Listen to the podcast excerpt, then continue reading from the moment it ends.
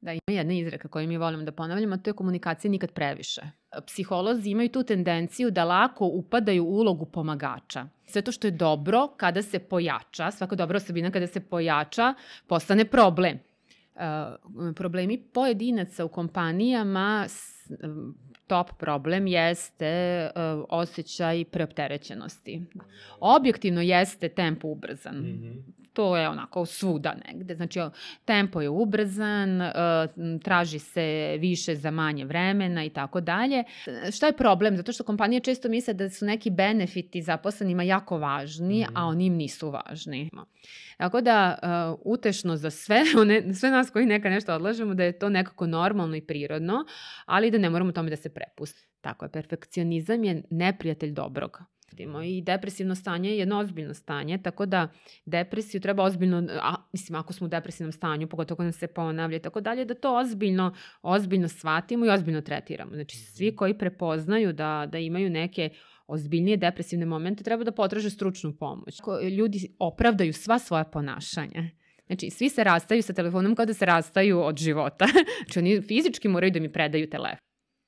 Pa, uh, ljudi teže tom osjećaju sigurnosti, što nas često vodi da ostajemo na mestima koje nisu dobra za nas. Dešavalo se da posle našeg reseta ljudi daju otkaze, ostavljaju muževe. Kad nas neko pita koja je vama konkurencija, koja ste analizirali konkurenciju, mi kao, kaže šta znači analizirati, mi se družimo s našom konkurencijom. Ako je to što, ih, što nas ima puno je samo pokazatelj potrebe. Nama u interesu da naša profesija pokaže visok nivo.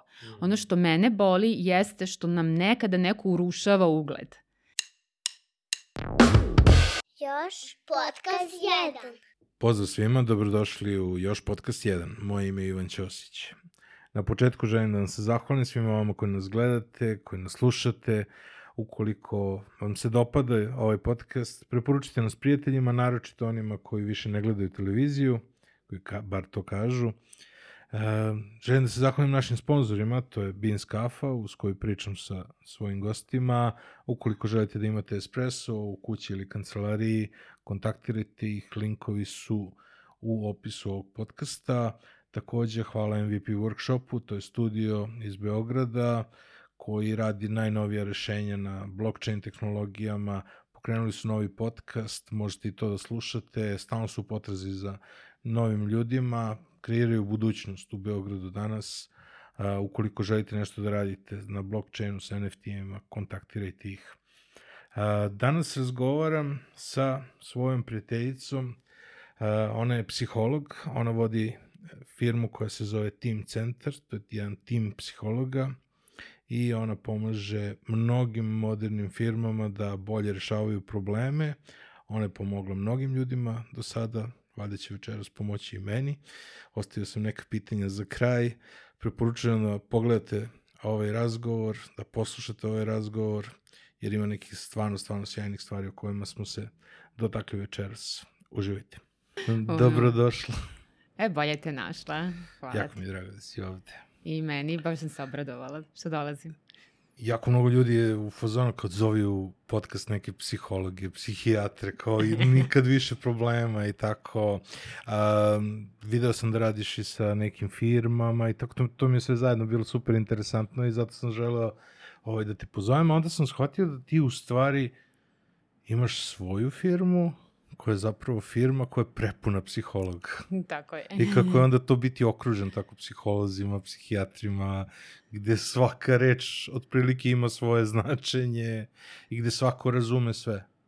Pa, da li razumemo, to ćemo još mm. videti ili mislimo da razumemo. Kako uopšte raditi u okruženju koje je potpuno ono, da. okruženo sa ljudima koji su iz iste, iz iste branše, upravo ono kako je komunicirati sa njima kada svi razumeju komunikaciju. Ovaj, prvo to što si rekao, ja, kao svi su me pitali da li ima neki psiholog ili ja, bilo bi dobro da bude psiholog, to je inače naš ovaj, usud psihologa, gde god da se pojavimo, pa ako kažemo, ako pitaju šta si ti, pa onda ja kažem psiholog, ne znam, mm -hmm. kod frizerke ili negde, ja polu oduševljenje da mm -hmm. iskoristi priliku da me pita nešto da rešim u narednih 15 minuta probleme sve životne koji postoje. Tako da postoji neka neka fama od toga kad se kaže aha, evo, ove, ja sam psiholog, mm -hmm. pa nešto između nekog poštovanja i strahopoštovanja. Strahopoštovanja zato što postoji ta ideja da mi kao psiholozi možemo da prepoznamo nešto, da vidimo nešto dublje, da čitamo misli, da skontamo to kakva si osoba, šta sa ti misliš i tako dalje. Pa je onda nešto tu kao između ovaj, strahopoštovanja, straha, aha, provalit će me da nisam normalan mm -hmm. i poštovanja, ja možda može da mi pomogne da rešim neki problem. Zato što svako od nas ima neki problem koji treba da rešava. možda da je i još jedna druga stvar, možda mi treba i psihijatar, ali psiholog je kao manje bolna stvar. Pa da, i to, ali ovaj, ta neka ideja da možemo da pomognemo ili da budemo provaljeni Aha. je stalno tu negde kako se mi pojavimo. Pa se ovaj, kolege i ja šalimo da sad, to nam je bilo zabavno kad smo bili klinci, pa smo onda forsirali to, pogotovo kad smo negde u nekom društvu, kao pa ja sam mm -hmm. psiholog, pa neko te nešto pita i sve to. Sad nam je malo baš i onako naporno u nekim situacijama, mm -hmm. tipa na putovanju smo ili negde i onda su, počinjemo da govorim da smo ekonomisti ili nešto slično. Nešto, nešto dosadno. ovaj, tako da to su stvari neke vrste zablude o psiholozima, da mi kao psiholozi um, znamo mnogo, mnogo nečega više od običnog sveta, što, što može da pomogne njima u nekoj situaciji. Tako i ta ideja što ja radim sa psiholozima, mm -hmm. uh, mi često ne koristimo u svakodnevnom životu mnoge stvari koje znamo, je tako? I mnoge, mnoge neke uh, i tehnike, na primjer, mm -hmm. komunikacijske tehnike koje znamo, pa nam to nekad isklizne, nekad bismo trebali da budemo konstruktivni, ali ipak nismo. Zašto smo mi ljudska bića koje nismo svo vreme psiholozi koji koriste znanje i veštine koje znaju nego uđemo i neke naše druge uloge i ponašamo se kao sav normalan svet. Mm -hmm. Ali raditi sa uh, grupom psihologa je prelepo i izazovno. Prelepo zato što zaista postoji taj neka tendencija razumevanja, empatije, želje da diskutujemo, želje da nađemo konstruktivno rešenje. To je nama nekako ugrađeno kao neki kod koji mm -hmm. poštujemo i tako dalje. Ali druga strana medalje jeste da mi psiholozi nekada iskliznemo u neke stvari kao što je onda sve to što je dobro kada se pojača, svaka dobra osobina kada se pojača postane problem, je tako? Aha. Ta empatija kada je u ekstremu nekada dovede do ono bespotrebne tolerancije, do nepostavljanja granica na vreme, do neko razumevanje, dođe do toga da uh, ne rešimo neke stvari isto na vreme, mm -hmm. upadamo možda u ulogu pomagača pa preuzimamo odgovornost za tuđa osjećanja, tuđe mm -hmm. probleme. Tako da u suštini sve te dobre stvari koje ide, idu sa nama psiholozima, ako ih dobro ne, ne, ne balansiramo, mogu da dovedu do ekstrema i problema. Mm -hmm. A često ima ono, domaće firme su u fazonu kao direktor manipuliše zaposlenima i tako. da. Tebi je to ne, apsolutno nemoguće. Prvo nisi takva, a drugo... Ovaj, Provalili. da, kao, kako je to, jel to predstavlja problem da nekad kao, ja, kao što baš toliko znaju. Pa dobro, možemo i mi da unapredimo svoje veštine manipulacije, pa da nisu tako očite. Ne, šalo na stranu. Um, da, može da, mo, ne možemo da radimo neke stvari koje su tako možda ovaj, um, neko koristi olako, a psiholozi to možda provale mm -hmm. u mhm. startu, ali i mi jako puno moramo da radimo na sebi, da povećavamo našu samosvest, mm. da znamo šta radimo. Nekada sam, nam se svima dešava da manipulišemo ne ciljano i nesvesno, nego ne iz, iz neke potrebe, prevelike želje, da nešto brzo rešimo i tako dalje. Da li psiholozi nekad budu izmanipulisani nešto i van posle? Je veoma često. Mm -hmm. Kako? veoma često. Pa evo, sad sam rekla jedan primer. I baš, uh, baš taj osjećaj kao da psiholozi znaju sve, znaš, da mogu da provale manipulaciju. Pa, uh, znači, svaka manipulacija u suštini je u pozadini da nas zakači na neki psihološki mehanizam. Mm -hmm. A sad sam rekla da psiholozi imaju tu tendenciju da lako upadaju u ulogu pomagača. A jedna od vrste manipulacija jeste uh, uh, prebacivanje odgovornosti na druge. I onda manipulator može da kaže, ja molim te, hajde mi pomozi, ti si psiholog, evo, možda ti to bolje znaš, ti ćeš da mi... I to je onda pecanje na manipulaciju, da mi ulaz, upadamo u ulogu pomagača, a, rešavamo neke stvari umesto nekoga i možda u tom momentu ili, uh, ili nudimo pomoć pre nego što nekom treba I to je na neki način Aha, upadanje u aha. zamku da rešavamo probleme, brinemo se oko osjećanja drugih i to je manipulacija da onda ta neka druga osoba prebaci odgovornost na nas. Evo Mhm. ti si mi rekla da tako uradim ili ti si kriva što se ja tako osjećam. Što mi ne pomogneš kad si psiholog Da, da. da se ja sad bolje osjećam. I onda se mi upecamo zato što u pozadini jeste dobra namera, a to je da pomognemo, ali i to ima granicu. Šta Da, je da, da. pomoć, a šta je onda preuzimanje odgovornosti za tuđe, tuđe, tuđe stanje i osjećanje. Kapiram.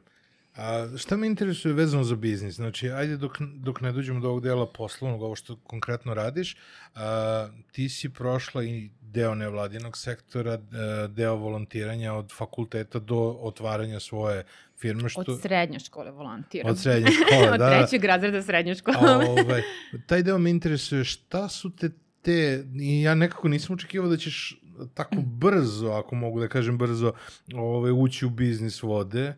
Uh, šta te je naučilo volontiranje, šta te je naučio nevladin sektor pre nego što si zagazila u privredu?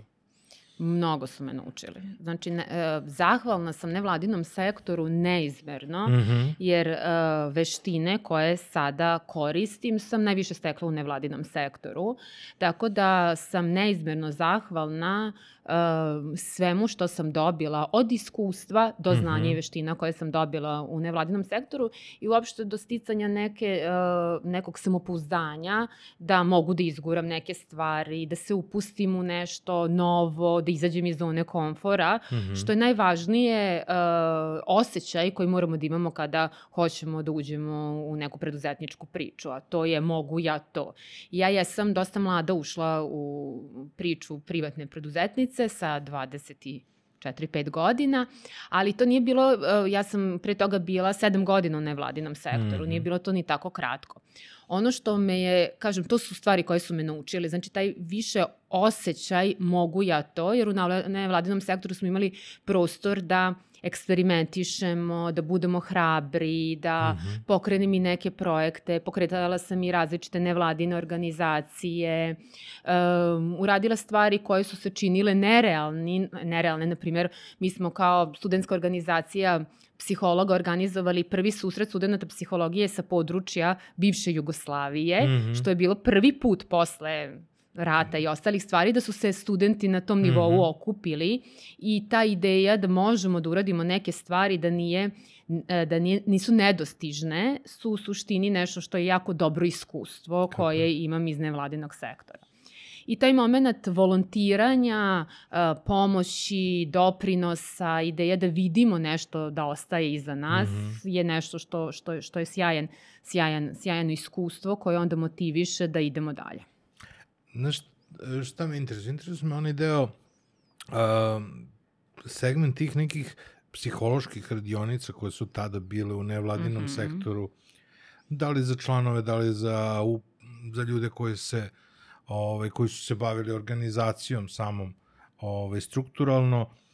I tu je bilo dosta nekih psiholoških radionica, komunikacije prvih nekih, Tako je, da. verovatno u slično vreme smo ovaj, Mm. Ove, smo imali dodire i kroz otvorene klubove i, i Mm. ostalo.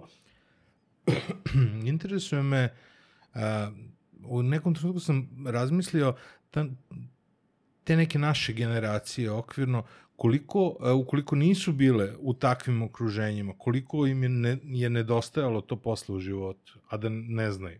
Da. Uh, ja stvarno, te, te stvari koje smo prošli u tom periodu u nevladinom sektoru su stvarno dragocene.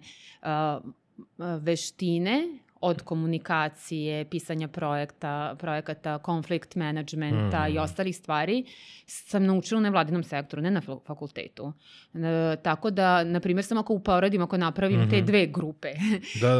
uh, nas studenta psihologije koji smo završili samo psihologiju i neki koji su završili samo Mm. psihologiju i nas koji smo praktikovali to čemu smo učili u nevladinom sektoru, to je stvarno nebo i zemlja. Sada studije ne izgledaju tako, malo je to drugačije, ali u to vreme uh, je bilo apsolutno kao, kao, kao neko dodatno iskustvo i dodatni fakultet i sve ta iskustva koje Da. sam stekla i veštine sam u stvari naučila u nevladinom sektoru. Ti si volontirala i u srcu, ili tako?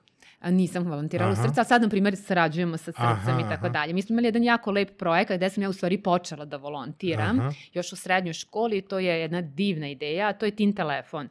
To je pomoć, Aha, psihološka podrška vršnjak vršnjaku. Ja, gde smo mi kao tinejdžeri bili obučeni, to je bila ozbiljna obuka, to je bio drill, da smo naučili sve ono, tehnike savetovanja, imali simulacije, imali superviziju, podršku, jedna ozbiljna obuka i onda smo radili na tim telefonu i javljali se, i tad je bilo poziva, to je Da. bilo 97. gde su tinejdžeri zvali, a mi smo bili podrška. Ali Ideja da aha, mene kao tinejdžera će bolje razumeti jedan edukovan tinejdžer nego neki Mhm. tamo psihijatar, jel tako, i lakše ću nazvati.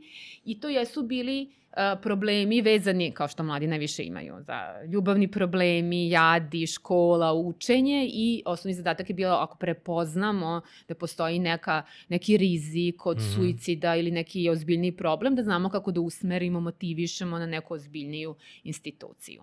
Tako da sam u stvari tako počela, još u srednjoj školi. Tim telefon, Tim telefon, pa tim centar. pa tim centar. Slični naziv. da, tako je. A, kako tim, tim centar počinje? Uh, pa mi smo napravili taj, znači ekipa koja je pokrenula Tim Centar je u stvari jedna NGO ekipa. Mhm. Mi smo i pokrenuli klub studenta psihologije, transferi, bili u nevladinom sektoru i u suštini kad, ono, zašto smo iz nevladinog sektora prešli, jel tako, da budemo privatni Mhm. preduzetnici. Uh, prvo što mislim jeste da je, da je došlo do momenta da nam je bilo sporo da smo se puno bavili fundraisingom, da je, da, da je Mhm. u nevladinom sektoru nam skliznulo sa toga šta radimo, na to da obezbedimo da uopšte možemo da radimo. Mhm. Bilo nam je sporo, bilo nam je na neki način uh, neizvesno, teško, zavisimo od donatora, donatorske politike, šta je Mhm. u trendu, šta treba, na čemu treba da se radi. U suštini smo hteli više da zavisi od nas Mhm. nego od drugih i onda smo mi iz bukvalno uronjeni potpuno nevladin sektor otvorili Tim centar 2005. godine, ali smo zadržali uh, i to jako dugo smo zadržali uh, puno principa nevladin, načina u, rada u nevladinom Pa sektoru. da, vidio sam ima četiri osnivača, valjda. Da, Da, jel bilo tako? nas je šest na početku Eto, aha. osnivača, pa onda četiri od toga da je znači to jedna timska priča, zato Da, da, da. zovemo tim centar, jedna timska priča, da smo konstantno, stalno imali ideju doprinosa, vizije, šta je naša svrha postojanja. Ne sad kao što to trendi da imaju kompanije i tako dalje, nego da smo mi time bili motivisani. Da smo funkcionisali tako projektno, da smo funkcionisali na nivou prepoznavanja Mhm. potreba, odgovora na potrebe i tako dalje, da smo mi jednu uh, uh, preduzetničku priču vodili kao, ne, kao nevladinu priču odgovor na potrebe koje su prisutne sada u nekom okruženju, biznis okruženju, poslovnom okruženju ili u široj zajednici, pošto smo bili Mhm. usmereni na- i na širu zajednicu. I uh, to je nekako bilo drugačije, Mhm. ali je, pošto je po mom mišljenju princip dobar, jer mi smo imali princip, hoćemo da odgovorimo na potrebu na kvalitetan način, da kreiramo projekat koji da, je da, kapiram. odgovor na potrebu i onda smo imali taj jedan po, uh, spor, ali organski rast. Tako da nismo razmišljali kao što klasični biznisi često razmišljaju nam na sastancima kad imamo sastanak, pa sad razne teme tamo vamo, teme razvoja i to su nam uvek bile prve i onda poslednja tačka prodaja i marketing, onda to, e, to ćemo za sledeći sastanak u smislu ideje prodaja i marketing. I kad nas pitaju kako ste vi, kako vi prodajete uopšte vaše usluge, onda shvatimo, pa ne znam, na preporuku, na to da nas ljudi preporuče koji su s nama bili u kontaktu Da, ili da. imamo dugoročnu saradnju ili slično. Kako raste vaša firma, tako uh, poprilično možemo da osetimo da raste svest uh, društva i kompanija o potrebi za nekom brigom o mentalnom zdravlju. Tako je. Pa me interesuje sad koliko ste tu jahali na tom talasu, a koliko ste negde ono rušili zidove. Pa mi smo prerano zajahali taj talas. Tako da glavni kada smo, kre, kada smo mi počinjali, um, smišljali smo kako da se predstavimo, a da ne kažemo da smo psiholozi. Zato što to nije bilo...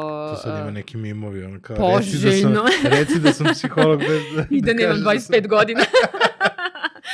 nego da ovaj tako da je to u suštini bilo veoma nepopularno mm -hmm. uh, da da neki sad tamo psiholog dođe i priča sad šta sa psiholog može da zna pa i što se tiče ljudi i ljudskih mm -hmm. resursa u kompaniji valjda je to neko neka druga struha tako da smo mi uh, imali, i inače smo u nekim momenti imali, imali uh, trend uh, pre nego što to dođe, dođe vreme. Tako da smo jedno vreme, mogu da kažem krili, ali polu krili da smo psiholozi, odnosno mm -hmm. smo mhm. to isticali u prvi plan i zato što je po, postojalo neka i negativno uverenje, predrasude i slično. Mm -hmm. I onda kako smo polako radili na, na edukaciji populacije naše, mm -hmm. naše ciljne grupe, kroz tekstove, kroz video, kroz razgovore, kroz otvorene programe i približavali to da mi psiholozi znamo nešto što može da pomogne, ne znamo sve i ne znamo da, kako da treba mm -hmm. da se mhm. vodi neki veliki biznis, ali znamo mehanizme psihološke koji mogu da pomognu u tome da ljudi budu više uključeni, motivisani, lakše prevaziđu neke probleme i tako dalje. U stvari smo mm -hmm. i radili edukaciju na neki način tržišta. Da, vidio sam ste radili ton onih nekih besplatnih radionica i tako, da. i takvih stvari. Da. O, ovaj, I kako je... te stvari ono, utiču na biznis? Jel imate neku direktnu konverziju ili kao gradite prosto Eto, svoju sam, reputaciju? Konverzije, mi se ne izražavamo tim terminima, uopšte niti razmišljamo. Uh, uh, te neke besplatne radionice su bile u funkciji vraćanja zajednici. Mi imamo mm -hmm. taj mhm. jak ono, mod uh, iz nevladinog sektora koji vučemo, taj moment aktivizma i moment vraćanja zajednici, društveno odgovorno poslovanja i uh, konstantno radimo nešto što ima veze sa tim da mm -hmm. pomažemo zajednici. Jer naša ideja jeste da zajednicu u kojoj jesmo, prvenstveno Novi Sad, mm -hmm. ovaj, uh, učinimo što lepšim mestom da ljudi tu budu, da dobiju neka dodatna dodatna znanja i tako dalje. Tako da smo držali seriju, na primer, veliki broj, ne znam ni koji je to broj otvorenih um, tribina, predavanja na temu budi bolji. Pa budi mm. bolji roditelj, budi bolji na poslu, budi bolji sam sebi i tako dalje, gde je bilo odziv ogroman. Pa smo onda držali školu preduzetništva, da pomognemo mladim preduzetnicima koji žele da krenu kako da neke stvari postave. Pa veliki broj um, nevladinih organizacija u Novom Sadu podržavamo kroz mm -hmm. to da im dajemo besplatne edukacije, da ih pomožemo na različite načine, koje nekako to je nama ne znam, uopšte ne razmišljamo da li ćemo ili nećemo, nego samo da vidimo gde je najveći impakt, na koji mm -hmm, način ćemo ostvariti najbolju neku, najbolji neki efekat. Koji je neki trenutak kada ste uradili onaj zaokret ka kompanijama samo? Ste samog početka znali da želite da radite sa kompanijama mm. ili ste prosto želeli da obrađujete neke teme i kako, kako je taj deo bio? U kom trenutku ste se okrenuli direktno samo na kompanije? Kad smo pokrenuli tim centar, da, kompanije nam jesu bile u fokusu, mm -hmm. ali bili smo mladi mm -hmm. i mhm. sa um, delimičnim iskustvom i na neki način smo imali više ciljnih grupa. Jedna ciljna grupa jesu nam bile i građanstvo i kompanije, uh, druga ciljna grupa kompanije i uh, napravili smo jedan presek pre možda osam godina, kada smo shvatili, mislim, mi sad postojimo skoro mm. 18 godina, kada je to bilo skorija, skorija prošlost, e, gde smo se vodili sa idejom da da bismo jednu stvar radili još kvalitetnije, neke stvari moramo da se odreknemo. Jer taj moment smo kroz neku zrelost, kroz razvijanje biznisa, to je, mislim, jedna od grešaka svih ono mladih preduzetnika da hoće sve ili hoće uh, celo tržište ili mm. puno proizvoda i tako dalje. I onda u jednom momentu moramo da se pozdravimo sa onih 60 ili 80% ovaj, proizvoda ne, ili ciljne jedan, grupe. Jedan, jedan drugar kao neki citat koji je on, ovaj, ono davno usvojio kao ako imaš više od tri prioriteta nemaš ni jedan. Tako je. Tako i onda smo radili to po principu pare, mm. Pareto principu, šta je ono 20% da, našeg, da, da. našeg kora u koji hoćemo da usmerimo svu našu energiju, jer taj moment naše um, želje da pokrijemo puno mm. raznovrsnosti je bio prisutan, ali uh, nekako smo se godinama morali usmeriti i fokusirati. I onda smo presekli i odlučili da naš fokus jesu ne kompanije, nego ljudi u kompanijama aha, aha. i njihovo blagostanje, njihov razvoj i kreiranje okruženja u kompanijama, zato što je i to jako važno. Zašto kompanije? Zato što mi jako veliki deo vremena provedemo na poslu i mi kao individue nemamo puno uh, puno snage da promunimo kontekst, jel tako, u kojem radimo. Možemo da. sebe da menjamo, prilagođavamo, razvijamo i tako dalje. Tako da naš cilj jeste uh, kreiranje zdravog konteksta u kompanijama koje će biti pogodno za mentalno zdravlje zaposlenih i samim tim i efikasnost i produktivnost, što je cilj svake kompanije da. i treba da bude, ali pomoć kompanijama da kreiraju takav kontekst. Jer većina kompanija stvarno to želi. Znači, nema, neće kompanija da kaže ja baš ciljeno hoću da imam kontekst u kome je neprijatna radna atmosfera. nego ne, se to, svi da se da, svi drže za gušu. Nego se to desi. Da, da. I onda pomoću toga da postoji zdrav radni kontekst u kome pojedinac može da se razvija, da mu pomognemo u tom Mikrofon razvoju i da, i da bude mentalno zdrav. Mm -hmm.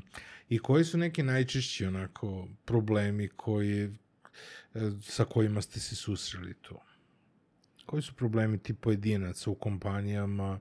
Šta je nešto sa čim se naj, najčešće susrećete? Uh, problemi pojedinaca u kompanijama top problem jeste uh, osjećaj preopterećenosti. Da ne mm -hmm. može da se nosi sa količinom posla koji ima, stresom koji mm -hmm. je mhm. prisutan, pritiskom, vremenskim rokovima, jer nekako se kako i ide biznis uvek ubrzava, pa ima više stvari da se uradi u istom vremenskom periodu. Da, da. I to je taj osjećaj da nas, um, da će nas preplaviti posao, obaveze, rokovi, mm -hmm. a mi na neki način iz visoke odgovornosti, savesnosti to onda nosimo kući, pa onda ne znamo da se opustimo kod kuće, pa onda imamo problem work-life balansa, nemamo aha, vremena aha. da se odmorimo, ne relaksiramo se na adekvatan način i slično. Tako da taj osjećaj preplavljenosti, um, stresa i nedovoljnog, nedovoljnog zadovoljstva u stvari onim šta, čime se bavimo i poslujemo je nešto što, je, što, što su ključni problemi. Da, ali e, rekla si osjećaj preplavljenosti. Da li je ta preplavljenost realna? Pa, uh, kako se rešava?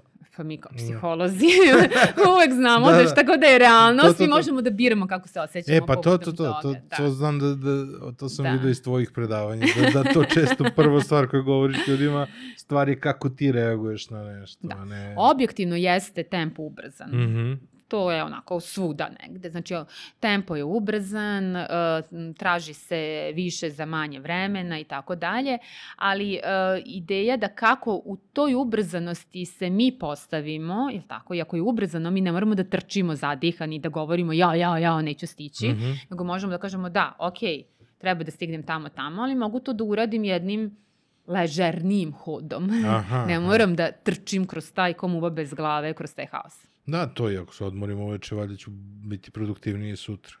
Da, ali i to se vežba i to je stvar navike kako, jer mi ne možemo sad odjednom samo da odlučimo da se mm -hmm. odmorimo, nego možda do sada nismo imali dobre obrace odmaranja, navike odmaranja, tako da uh, moramo na neki način aktivno da to analiziramo i odlučimo, probamo, posvetimo se tome da nađemo bolje načine odmaranja.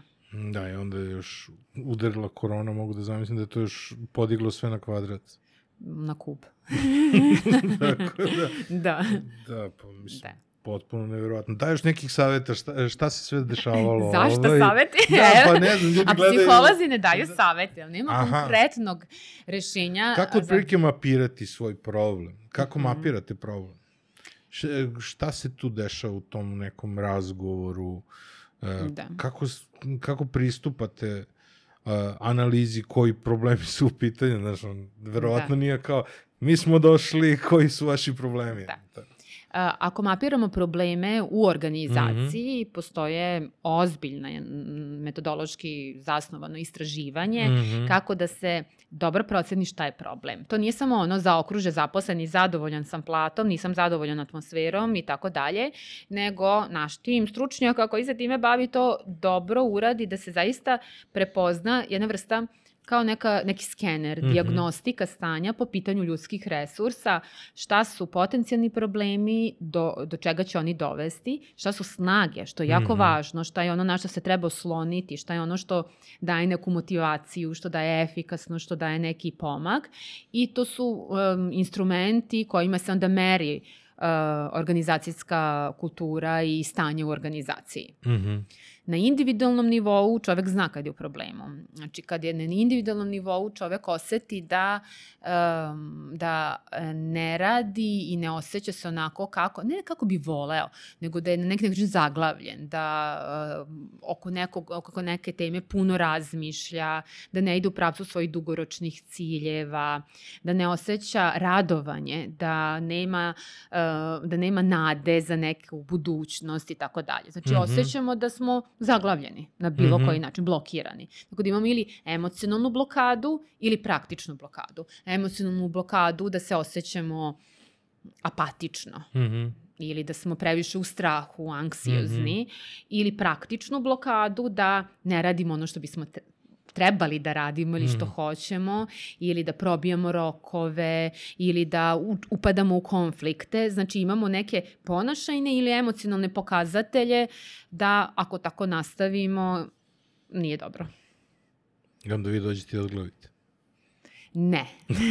Sami se oglave, ne upadamo u zamku. Mi pomognemo da pod broj 1 se osvesti. Aha, aha šta radi? Pod broj 2 šta je za mene potencijalno rešenje, zato što ne postoji jedno tačno rešenje. Znači to ne postoji sad jedno tačno rešenje. Mi psiholozi znamo da postavljamo pitanje, da damo neke smernice, da, us, da, da na neki mhm. način osvetlimo šta se možda mogu da budu rešenja, ali aha, svesna sam, što nekad nismo svesni ni šta je mehanizam Jel tako? Aha, to mi se dešava i zbog toga imam to i to, da prepoznamo potencijalna rešenja mm -hmm. i onda mhm. sam klijent bira i svesno odlučuje, aha, to ću da radim, to za mene ima smisla. Jer ako samo ja dođem i kažem, ej, hajde možda probaj da iskomuniciraš to tako i tako, a ne ovako, mm -hmm. onda to nije, to nije rešenje, to je moja nametnuta ideja da je to za to klijenta dobro. Šta je to nešto, e, malo pre si pomenula i finansijski deo i da li je zadovoljan platom ili nije zadovoljan platom, da li e, često dobro okruženje može da nadomesti visinu plate i slično? Naravno u ovim sada vremenima. Da. E, može. I često ljudi, i to u praksi često i čujem da e, kažu, ok, dobio sam ponudu u drugoj mm -hmm. kompaniji koja je pa za jedno 20% veća, 30% veća, mm -hmm. ali ove relacije koje ovde imam, ovo poverenje, ova psihološka sigurnost koju ovde imam, ne izgovore reč psihološka sigurnost, nego ja to kažem, ja to da kažem, nego kažu češće ovde mi je ekipa sjajna, mm -hmm. najčešće tako kažu, ne bih da ih ostavljam. Znači, tako da taj moment i da se, što nije kod svakog slučaja, ali se znači, često dešava, da će se odlučiti za neke, da im budu zadovoljene neke druge potrebe. To je potreba za tom socijalnom relacijom, mm -hmm. pripadnost, eh, prihvatanje, ta psihološka sigurnost, zarad neke tamo malo veće plate. A koliko smo se udaljili, sad opet se vraćam na, na koronu, koliko smo se udaljili od te neke ekipe sa radom od kuće? Pa jesmo, ako smo bili stalno mm. ovaj, rad od kuće, udaljili smo i to je jedna od stvari koja je, koji je e, najveći problem rada od kuće i online pristupa, to mm. je mhm. ne, nemamo taj socijalni moment, taj mm. naš gregarni motiv, da smo sa grupom, da smo sa, u grupi, da smo u timu, se onda ne zadovoljava, a e, mi to možda ne osetimo odma i direktno, mm -hmm. nego vremeno možda postanemo malo manje motivisani, malo nam padne energija i tako dalje, zato što mi kad uđemo u kancelariju, u tim, mi podignemo taj nivo aktivacije da bismo mm -hmm. se iznivelisali, da se malo nasmejemo. Pa čak i ako smo malo neraspoloženi, stavimo taj neki osme, pa krene neka šala i tako dalje, ako je zdravo okruženje, mm -hmm. je li tako? A sad, pošto faktički kao skoro da nema više nezaposlenosti jer kroz ovo sad rad, na, kroz povremeni rad je praktično ispeglano da svi bar nešto rade. Uh, imamo jako mnogo ljudi koji su prosto nesigurni u svoj posao kroz te neke povremene poslove kroz ugovore na, samo na, na određeno vreme i slično. Koliko ta nesigurnost utiče na ljude? Pa, e, ljudi teže tom osjećaju sigurnosti, mm.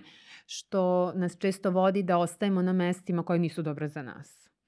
I um, negde bi mi i mogli kao neka ovako ova kulturološka sredina malo da se odlepimo to, od te mm. potrebe za velikom sigurnošću. Uh, prvenstveno zato što sada postoji deficit u raznim zanimanjima, sve postalo mnogo fleksibilnije, lakše se dođe do nekog doškolovavanja, preedukacije, nekih dodatnih, jel tako, načina mm -hmm. da budemo malo fleksibilniji, otvoreni, da kažemo ok, pa čak i da izgubimo ovaj posao, stvarno postoji potreba za raznoraznim zanimanjima na ko, za koje se lako možemo doedukovati ili snaći ili nekako biti, biti stvarno otvoreni da probamo nešto novo i slično.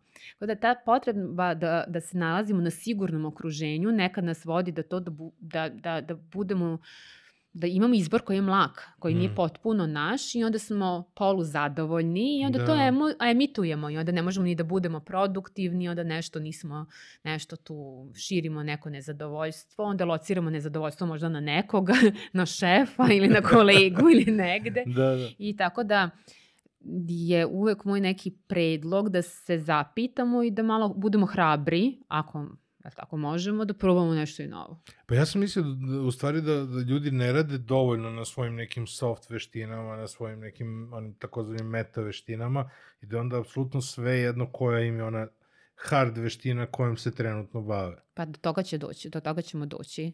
Da će nam veština, već i sada se i kristališe da več, e, veštinja na učenja, mm -hmm. tako, fleksibilnosti, da, da. snalaženja, brzog usvajanja ne, nečega je mnogo važnije od neke kor veštine koju mi znamo, neke specijalističke, zato što se sve tako brzo menja u bilo kojoj struci da no, niti, dođemo. Niti znaš šta će ti biti potrebno za 10 tako godina. Tako je, tako je. No. Ovaj, uh, Šta se dešava uh, kada u kompanijama se, ili da, može da se desi u životu, Sve što se dešava u kompanijama, dešava se u životu. Pa skapirao sam u stvari da, da, da, su, ovaj, da su pitanja koje sam zamislio mogu da se gledaju na obe strane. E, kada se komunikacija odlaže, kada se problemi nagomilavaju, kada je problem suviše sitan da, ne, da je glupo da ga uopšte pominješ, ali kada se 20 takvih malih problema ovaj, sklopi, jedan problem prelije čašu i onda da. se desi konflikt. Da, ima jedna izreka koju mi volimo da ponavljamo, to je komunikacija nikad previše.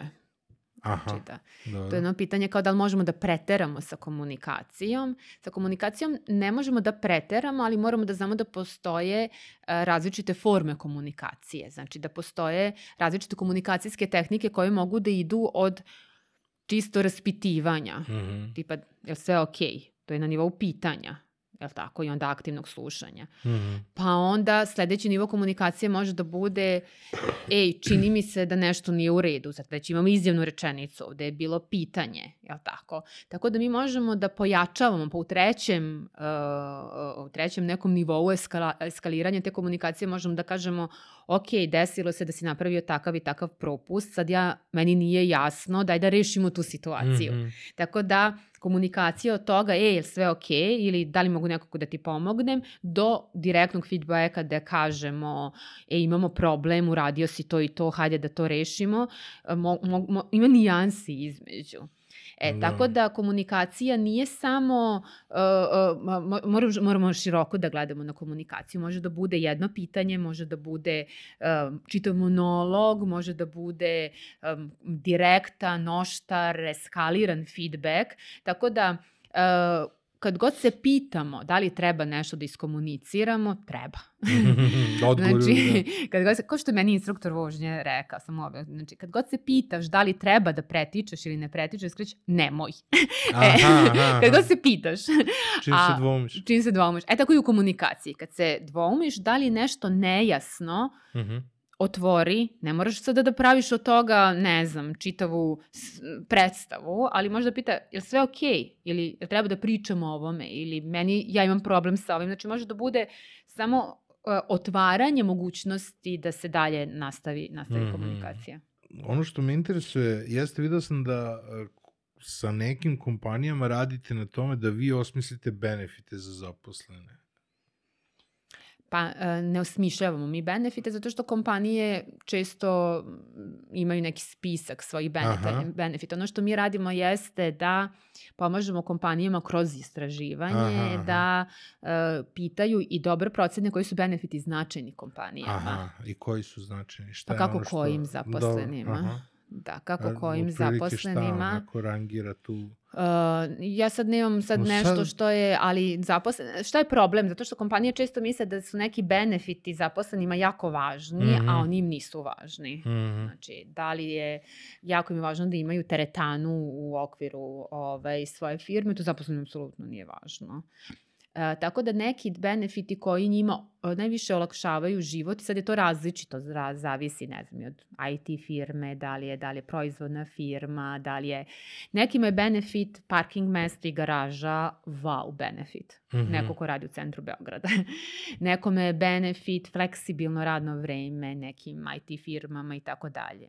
Nekima je uh, psihoterapija kao podrška veoma značajna, značajan benefit. Mhm. Znači više je uh, uh, mikroklima kakva je i potrebe u tom nekom, u nekom timu.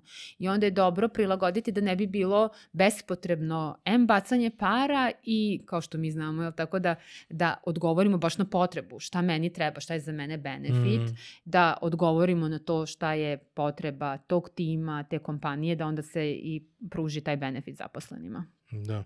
E, pa pitam zato što znam da su neke firme već došle do onog nekog limita kad više podizanje, bez obzira koliko to čudno zvučalo u Srbiji, gde više podizanje e, novčanog, e, novčane kompenzacije nije nije više Ne igra ulogu, ne da. igra nikakvu ulogu, tako da taj deo me ono interesovalo šta je ono što motiviše zaposlene kada novac prestane da bude ovaj prestane da bude važan zato Da, mnoge O. stvari koje im olakšavaju Mhm. uh, život, uh, štede vreme, su benefiti. mhm Znači sve te tako stvari da ja ne moram da se cimam oko svog automobila, da ne moram posle posla da idem negde nešto da obavljam, benefit da u okviru kompanije e, im se pruži nešto što im štedi vreme da se Mhm. bave svojim nekim hobijem ili tako dalje. Ili im olakšava neki problem. Znači, ili će mi uštedeti vreme, ili će mi Mhm. e, rešiti trenutni problem. Pošto no, neki nemaju problem, onda bar da mi uštedi neko vreme koje želim onda da provedem kako ja želim. Koja je neki, ono, e, neka anegdota iz, iz rada do sada koju rado prepričavaš? A ne, anegdota iz 18 godina. Pa dobro, šta je nešto čega se onako da, rado setiš? Da je baš onako lepo za prepričavanje kao priča. Joj, pa anegdota. Pa e, možda nije anegdota, ali mi to nekako uvek neki light motiv koji me ovaj, nekako motiviše da istražim neke stvarima, jeste da smo mi, e sad ja ne pamtim jako dobro godine, pre jedno možda 10 godina, Mhm. kolega Boris Olivera, koleginica i ja, a, bili oduševljeni sa idejom da napravimo jedan retreat program. Znači, retreat program da menadžeri koji su pod stresom, zaposleni bilo naravno uvek stresa, dođu na jedno lepo mesto, Mhm. izoluju se, imaju individualni rad, meditacija, mindfulness, yoga, da budu povučeni, da se posvete sebi i tako dalje. Mi smo osmislili taj program fenomenalno. Znači, po principima kako treba da se Mhm. da se ovaj, to osmisli sa sve lepom brošurom, sve ono marketing, prodaja, sve po PS-u. Mi smo imali nula prijava tada. Znači, niko nije bio zainteresovan i tad smo shvatili da je to bilo nešto što je bilo pre vremena. Jednostavno, ljudi nisu bili spremni za takav iskorak. Mhm. I ono što je meni zanimljiva anegdota jeste što smo mi strpljivo čekali, čekali, čekali i tako vrebali, kao onako u zasedi. Jel sad? Vrebali, Jel sad? Jel sad sad? i sad. I onda smo, to je bilo sad pre jedno pet godina, znači ono je bilo pre deset Mhm. godina, ovo je bilo pre pet godina, rekli sad je moment i onda smo iskočili sa tim reset programom Aha. koji je program u stvari retrita i program povlačenja, program u kojem uh, se radi na ličnom razvoju intenzivno neki vremenski period isključivanja od drugih i to je stvarno onda bio boom. Tako da je za mene to neka anegdota u Na smislu koliko ih isključite? od četvrtka do nedelje. Wow. I to je malo, još se ja borim da bude sedam dana, zato što je Aha. sedam dana nešto što je full efekat, ali nije tržište spremno. Moram da naučim. U suštini, uh, to je za mene neka Bilo bi, poenta. ali bi morala bude neka pauza za mobil. Za pauza Kao za imaju mobil. jedan dan. U kao- nedelju, kada toks. vraćamo telefon. Znači, svi se rastaju sa telefonom kao da se rastaju od života. Znači, oni fizički moraju da mi predaju telefon. Znači, telefon je kod mene, nema kompjutera, nema kontakta s polja. Telefon je zaključan u ladlici, svi telefoni. I kao svi misle, jao, jedva čekaju tu nedelju da dobiju telefon kada završi se program. U nedelju kad ja kažem možete sad uzeti svoje telefone, oni kažu ja neću do ponedjeljka ujutro da palim. Tako da taj efekat, Wow. Da, i to se, to, to, to se često dešava i ovaj, eventualno to mame koje imaju decu, one upale ranije, ovaj, da, da vide da, nisu, de, da su deca sva, sve, sve ok. Sva na broj. Ovo je sva na broj, da se to kažem. Dobro, imate neki ono... Ima hitni hit, telefon. naravno, Aha, ima na hitni telefon i to je bila jedna anegdota da smo imali taj hitni telefon kao u slučaju pošaljite poruke uh, mamama, šefovima, Mhm. suprugama, suprugama da se jave i onda u jednom momentu mi meditiramo u sred meditacije, dotrčava sa recepcije, sa recepcije devojka koja je radila, kad smo radili, jao, hitan poziv za koleginicu Ivanu, Ivana otrčava i javlja se na telefon i kaže, ja samo da proverim da li ovaj telefon radi, mama je zvala. Da Mora se ozbiljno shvatiti. za svaki da slučaj. za svaki slučaj da proveri da li telefon radi. Tako da, u suštini, da se vratim na tu poentu, da je to za mene bio nauk da možda ideja nije loša, ali tajming nije dobar. Tako da moramo da nekada... Ono, imaš paralelu sa vama. E, postoji sajt koji je bio YouTube pre YouTube-a, Da, ali je nastao pre nego što su ljudi imali broadband kod kuće i nisu mogli da gledaju video, nisu mogli ni da kače i tako ostalo. je. I onda praktično kada je YouTube nastao, prak, Onda su- nastao je u trenutku kada su otprilike ljudi mogli da, Tako da je. kače ne, da. neke prve da. videe. To je moram da znamo da nekada možda nije ideja loša. To je po- Samo je nije nego- vreme. Samo možda nije vreme, možda je prerano, možda treba sačekati, možda treba modifikovati, možda treba edukovati tržište, možda treba uraditi neki mini eksperiment ili nešto. Hoćeš eksperimentisati sa dužim relaksom. Hoću, naravno, i sad imamo i za jesen razne, oh, ja eksperimentisat ću e, razne stvari. To je, u stvari, to je naš, to je naš motiv, to je naš Mhm. drive, to je jedan razlog zašto smo krenuli, a jeste da e, guramo nove stvari, znači isprobavamo, da smo ino, inovativni, da nudimo nove rešenja, ne samo da ono, idemo staro copy-paste, nego da smišljamo nove stvari. Pa neophodno je, očigledno je haos sa, sa, trenutnim ovaj, ambijentom. A koliko... Hm, koliko je... E, s, e, kapiram da je vama e, nekako ljudi među kojima ste vi poznati su ljudi kojima ste već pomogli. Nekako deluje da njima taj relaks i nije baš toliko potreban koliko je potreban možda nekim ljudima koji nemaju vašu ovaj, konstantnu pomoć. Tako da kako to reklamirate ovaj, i kako to... ne uopšte- reklamiramo. Ovaj, e, nego jednostavno se e, na reset se Mhm. dolazi i ljudi koji su već tu negde spremni u našem krugu. Mi inače, naša mm, filozofija posto, mm, poslovanja jesu um, dugoročne relacije i dugoročna saradnja, Mhm. jer e, mi znamo da iz, ne znam, jednodnevnog treninga mi nećemo rešiti nikakav problem Mhm. u kompaniji. Tako da, što ne znači da ako nas neko pozove da uradimo jednodnevni trening, ok, može, ako je smislena tema, ako je iz našeg a, domena i tako dalje, ali naša filozofija jeste a, građenje relacije koje podrazumeva, aha, da, da kompaniju dobro razumemo, da zajednički osmislimo šta su intervencije koje će dati najveći efekat. Je li tako? Mhm. E, i to su najčešće ljudi s kojimi su iz kompanije sa kojima mi već sarađujemo, koji nas poznaju, s kojim sam ja radila coaching, koji su na neki način tu u tom nekom pulu i znamo da je to nešto na što su spremni. Mhm. Jer to je jedan, i tamo ja uvek kažem, to je za hrabre, u smislu da se izađe iz nekih uobičajenih uloga. Kada se dođe na reset, ti kažeš samo ime. Apsolutno nas ne zanima ko si, koliko imaš godina, iz koje si kompanije, da li si direktor, menadžer, da li imaš decu, da li nemaš. To nas ne zanima. Ti si Ivan, I to se resetuje sve. reset, dođeš do ne- na Fabrički fabrička podešavanja. Ti si Ivan koji je došao Mhm. tu i možeš da pratiš neke, znači ne znaš ni program, ne znaš ti šta te čeka, Mhm. nego se prepustiš. Znači ne, sve ono što mi u svakodnevnom životu ne praktikujemo, Mhm. a to je da izađemo iz svih uloga da nemamo agendu, da nemamo plan, da ne znamo sad koliko je sati, vi dobijete samo male satiće u kojem naviješ da ujutru mm -hmm. za doručak možeš i prepustiš se. Znači jedno poverenje i idemo, onda imamo različite vežbe, meditacije, psihološke radionice, joge, kontakt sa prirodom, meditacija hodanja, kreativni workshop i tako dalje. Mhm. Ali to su već ljudi koji imaju na neki način poverenje u nas i poznaju nas ili su preko preporuke neke da znamo da smo istom fazonu sa istim mm -hmm. vrednostima i to je onda zaista jedan, jedan moment jer nismo u kontaktu sa drugima, izolovani smo i posvećeni sebi. I mm. sada, svako je došao sa nečim, nekom treba samo da se odmori. Neko je na životnim nekim prekretnicama i za to nam treba vremena.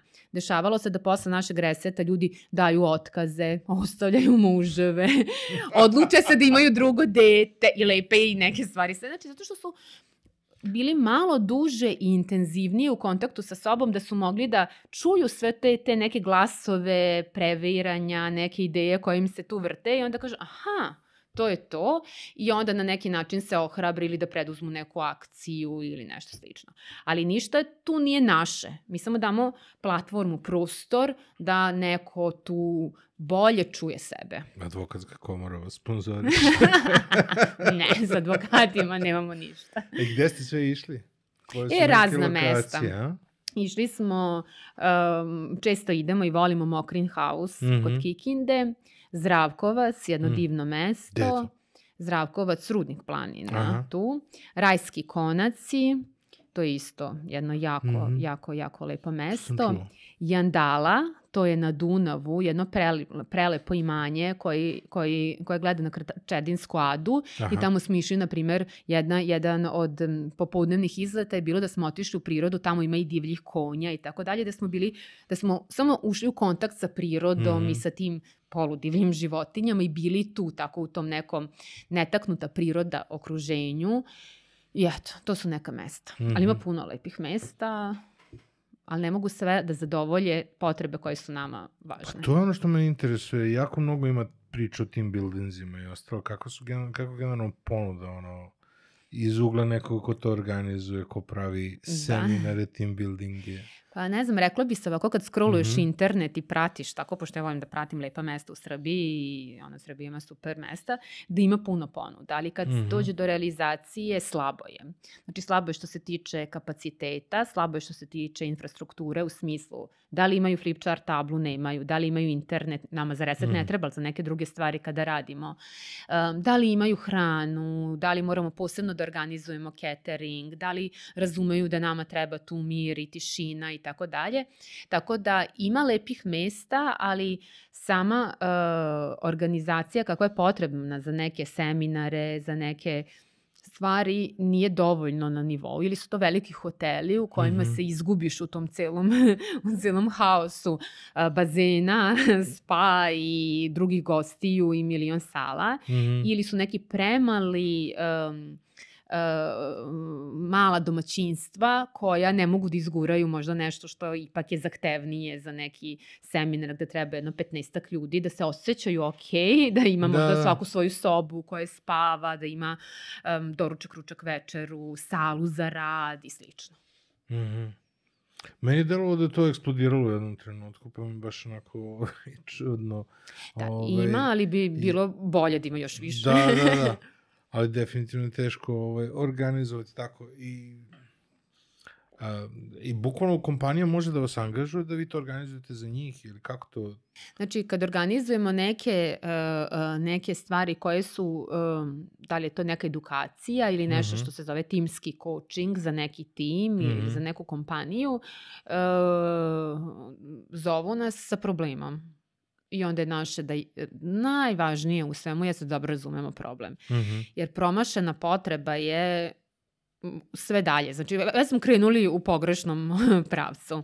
Tako da dosta investiramo vremena da razumemo potrebu, šta je tu stvarno problem, šta hoće da dobiju kao efekat, pa da li hoće, da li stvarno to problem, koje teme, kako da pokrijemo, na koji način, koju metodologiju da odaberemo. Jer, na primjer, mm -hmm. razlika između um, jednog treninga edukativnog i timskog coachinga je velika, jer kako organizujemo nešto što je trening, čisto nas nazovu, ja, treba nam trening, u suštini treba timski timski coaching, ali dobro ne znaju, ali mi kad dobro ispitamo, onda znamo, jer cilj treninga jeste da razviju neke veštine, a cilj coachinga jeste da reše problem koji postoji u timu, skriveni problem ispod tepiha mm -hmm. koji postoji u nekom timu. Ali ako dobro, dobro, dobro prepoznamo potrebu, onda mi ponudimo šta je naš predlog za rešenje tog problema i onda kreiramo. Mi smo ono, tailor-made ono totalno, kreiramo program za taj tim, za tu kompaniju i onda, i onda realizujemo. Može neki Pratimo. stari onako plastični primjer, nešto što može bez da se prepozna koja je firma u pitanju. A, Onako da kako sam... je funkcionisalo, znači od problema, od situacije koju ste vi uzeli, pa ono do konkretnog zadatka i kako ste to razložili. Pa može, može. Evo, jedna kompanija je rekla, e, nama treba uh, edukacija za naš uh, top management, mm -hmm. to im je mhm. top management u kompaniji, njih sedmorica, hajde da im organizujete, da napravite leadership akademiju, evo, mi smo smislili teme. Znači, oni su sve, HR je vredan, osmislio. Znači, prva tema će biti, ne znam, e, komunikacija, druga je timski rad, treća je liderski stilovi, četvrta stress management, management to sve treba. Mm -hmm. Onda smo mi rekli, ok, super, lepo ste vi to smislili, ajde da mi napravimo jedan uh, dodatni korak. Nama to nije teško, to je nama dodatni posao, ali to, ne, to je ono što određuje da li će taj program biti kvalitetan, da li smo ne sad da odvojimo ono, top, top management u, u pet dana da se oni izdvoji da pričaju o temama koje njima nisu bitne i da uče i slušaju, to je nama katastrofa. Tako da smo mi pre toga uradili nešto što je ispitivanje potreba, to su intervju sa svakim od njih. Mm -hmm. I na kraju je prepoznato da njima ne treba edukacija. Te stvari koje oni je tamo po, poslagano kao tema su u suštini stvari koje oni manje više znaju, ali ih ne koriste, mm -hmm. zato što oni um, nemaju uh, dobru timsku saradnju, nemaju podršku jedni između drugih, osjećaju se frustrirano i tako dalje. I onda smo mi predložili, ajde da krenemo tako, hajde da oni raščiste svoje probleme, zajednički kroz timski coaching izdefinišu šta konkretno će njima biti važno, kako da primenjuju već ono, znači, moment primene onoga što smo trebali mi da ih učimo, mm -hmm. što je potpuni zaokret i onda su se oni osjećali da to nama treba, da pričamo o realnim problemima s kojima se mi srećemo, a ne da mi do dolaze tamo neke edukatorke, trenerice koje će mi pričati kako da dajem feedback, ja to znam, nego ne mogu da ga dam zato što, pa onda ide dalje razlog. Da, ali definitivno je poplava, znači koučeva, predavača, da. razlog tipa i tu je verovatno za, za gomilu firmi teško razdvojiti šta valja, šta ne valja. Tako je. To što, ih, što nas ima puno je samo pokazatelj potrebe. Mhm. Mm -hmm. Znači da postoji potreba, što je sjajno. A ovaj, kako razdvojiti, pa ima načina da prepoznaju. A kako na Jednom angažuješ, pa drugi put...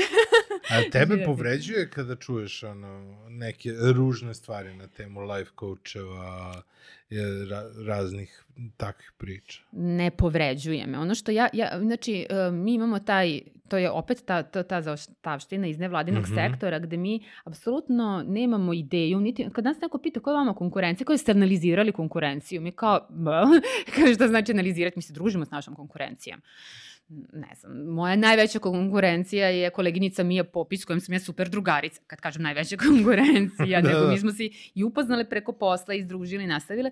Tako da ta ideja konkurencije nam uopšte je strana, nama je u interesu da sarađujemo, da se dogovaramo, nama u interesu da naša profesija pokaže visok nivo. Mm. Ono mhm. što mene boli jeste što nam nekada neko urušava ugled. I onda to imamo problema, da moramo da popravljamo, da neko ko nije dovoljno edukovan, dovoljno stručan, ne svata ozbiljnost profesije kao što je coach ili psihoterapeut ili life coach. To je kao da jedan hirurg ne shvati ozbiljnost toga da nekog zasečeš, pa kažeš, ju, vidi ovo ne znam da radim, pa sad ću da zašijem. Ili ne znam šta, ne znam, možda ne znam da zašijem. Tako da, u tom momentu ozbiljnost da je to jedan zaista odgovoran i savestan posao ako ti čačkaš po nečim problemima, kako god da to izgleda. I ideja da ne može nešto da se pokvari je pogrešna ideja. Može da se pokvari, zato što taj coach koji dođe je ipak autoritet autoritet i ne, Mhm. sve to što se kaže, čak i ako ti ne kažem savet, uradi tako i tako, ali ako kažem, eto, struka je rekla, to je manipulacija strukom, evo iz psihologije ili sam tamo pročitala, moramo da znamo da to možda nije rešenje za tu osobu, Mhm. da taj efekt kad čuje će odati, aha, pa ona koučica mi je rekla Mhm. i da to ima neki efekt. Tako da ja e, imam samo problem da popravljamo iza nekih koji nisu, koji nisu dovoljno stručni i da nam se urušava ugled e, ugled naše struke i da To onda je isto kažu... kod, kod automehaničara. Ko ti ovo radi? Ko ti ovo radio? Ali, um, pošto ovo nije još na neki način automehaničar, znaš da ti treba. Mhm. Ali onda ako imaš loše iskustvo sa kočem, kažeš, pa to je glupost, to ne radi. Mhm. Šta će, mislim, šta ja bacam pare, a ova mi ništa nije pomogla ili ništa ne zna ili ne pomaže, onda time mi moramo ponovo da podižemo taj ugled naše struke i to je u stvari najveći problem. Kapiram da bi se- ti automehaničar treba, koč Mm. ti suštinski ne mora. Ali vama treba komora. Svašta nam treba. Ja kapiram da bi se ceo internet sprdo kad bi life coachevi napravili svoju komoru i sa ono pravilima pa- poslovanja. ono, znaš, da, kao, da. izbačen iz komore life to bi bilo dobro. znaš, da, kao ovo su pravila kako morate se ponašati. ne, ja sam, ja sam za to da se razvija, da nas ima puno, da sve, ali samo da se ozbiljno sve shvati. A koliko tih nekih stvari bi bilo dobro da se ubaci u školu? Pa mnoge stvari bi bile dobro da se ubaci u školu, zato što uh, stvari vezane, misliš, za ove veštine, Pa da, zato što imam utisak kao da, da možda je kasno ono, da, da te stvari dobiješ tek i čak i po znakom pitanja na fakultetu, ali tek negde na poslu. Da, znaš kao, ima ona izreka, najbolje vreme da zasadimo drvo je bilo pre 10 godina. Da, da, Drugo, a najbolje je danas, sada. Tako da, kad god, dobro je.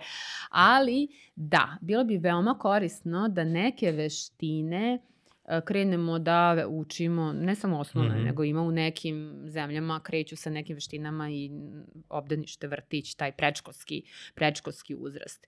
I to jako lepo može da se prilagodi još su i deca veoma prijemčiva da to čuju, zainteresovano su i postoji naravno načini kako da se sve to prilagodi uzrastu. Od te emocionalne pismenosti, da znamo da prepoznajemo osjećanja, da nor- normalizujemo osjećanja, da znamo da možemo da Mhm. upravljamo svojim osjećanjima, da možemo da ih usmeravamo. Pa od komunikacijskih veština, od veština self-managementa, kako da samo deci da objasnimo onaj poznati eksperiment koji govori da uh, uspeh naš u budućnosti u velikoj meri zavisi od toga da li možemo da um, odložimo zadovoljstvo. Radio sam on čmelov eksperiment Pa sa da. svojim klincima. I- Snimali smo ih. Pa da, ali to je deci zabavno i da im na slikovit način objasnimo, da, Da im dođe, pokažemo. poremetili smo tajmere, ali smo, radili smo sa, sa Mončmelom, tako što smo, ono, uh, jedan od njih, supruga i ja, bismo izašli, ostavili smo kameru da ih snima na pet minuta. Da, I oboje su prošli. Eto. I objasniti im, Pet- dati im... Pet godina, i ono kao, to je kao, nešto smo pročitali da je to kao za pet godina, međutim promašili smo tajmer, bilo na pet minuta, valjda treba duže, ne znam. Ne, a Nije znači, važno. ni- nisam pojem da, da, da, nego nego ih Super je, edukovati. super je stvar. Edukovati decu na tom mm, malom uzrastu i učiti sad dalje kako rastemo, različite veštine. Pa ja verujem da, ne znam, da se u srednjoj školi organizuju, ko što i jesmo, organizovali razne radionice koje su komunikacijske veštine kako da komunicirate sa simpatijom.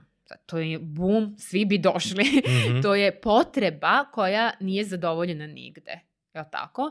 A te komunikacijske veštine će preneti sutra i u radno okruženje i doći sa Da, više osnaženi da kažu nešto, da postave granice, da kažu ne, da traže nešto, da aktivnije slušaju što god da jeste, jeste tema. Tako da, uh, valjda će se nešto promeniti.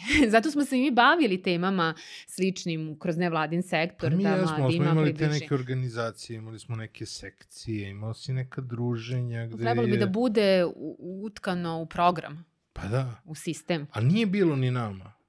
Pa nama ni ja bi trebalo, to bi bilo korisno, Da. da. nekako, valjda će nekako doći.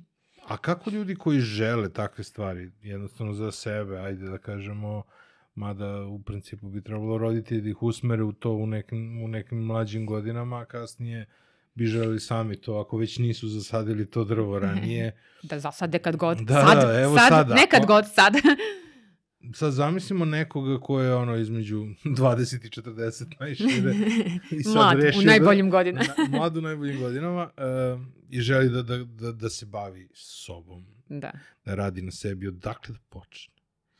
Ti taj deo zna da bude onako. Taj deo zna da bude jako težak. Znaš, De, Da, jako težak i zato bi trebalo da postoje mesta, ne pojedinci, nego mesta koja se bave takvim temama. Uh -huh. E sada, ne znam u kakvim zajednicama to negde postoji, to su mesta, centri gde mogu da postoje takve stvari. Naprimer, u Novom Sad Open se bavi takvim temama, Mhm. ima puno projekata, programa gde mogu da se priključe. U manjim zajednicama toga nema, verujem, Mhm. tako Novi Sad, Beograd, Niš, da još nešto može da se, da se nađe, jer je lakše tako, jer mlad čovek od 20 do 40 godina e, ne mora da ide kod psihoterapeuta da rešava probleme. Ne da ne, mo ne mora, nego ni ne može, to je skupo. Znači, psihoterapiju sebi može da priušti čovek koji je finansijski stabilan i koji već ili će mu neko drugi pomoći ako je mladi i kad baš dođe, kad zagusti negde.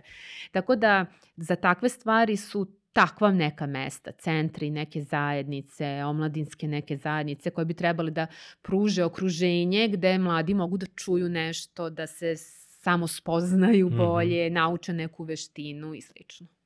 Ako bi želeli sami da rade...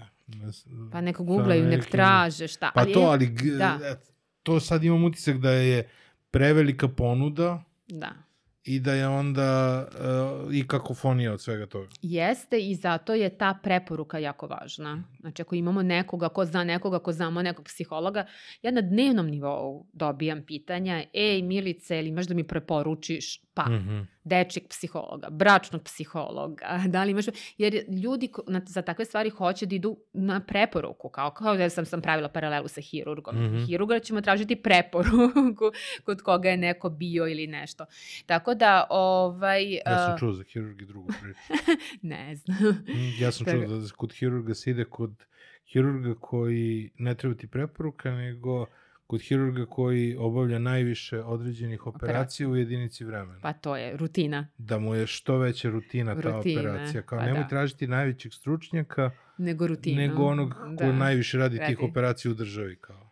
Pa i, kod, i u našem poslu je to dosta, uh, što veći broj ljudi ti prođe kroz ruke, da, Da. kažem, ti se razvijaš, jer tebi svaki novi klijent izazov, učiš, terate da naučiš još nešto dodatno, da iščitaš, da se prilagodiš, da razumeš, tako da to je, to je slično i kod nas. Mm.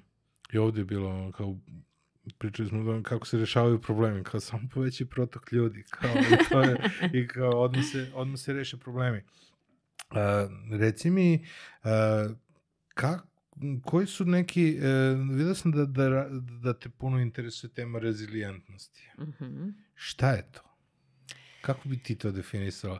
Zato što je to jedna od reči koja se teško prevodi kod nas. Pa da, nema jedne tačne reči koja bi mogla da, da, da, da, da sad u potpunosti opiše, opiše to šta je rezilijentnost.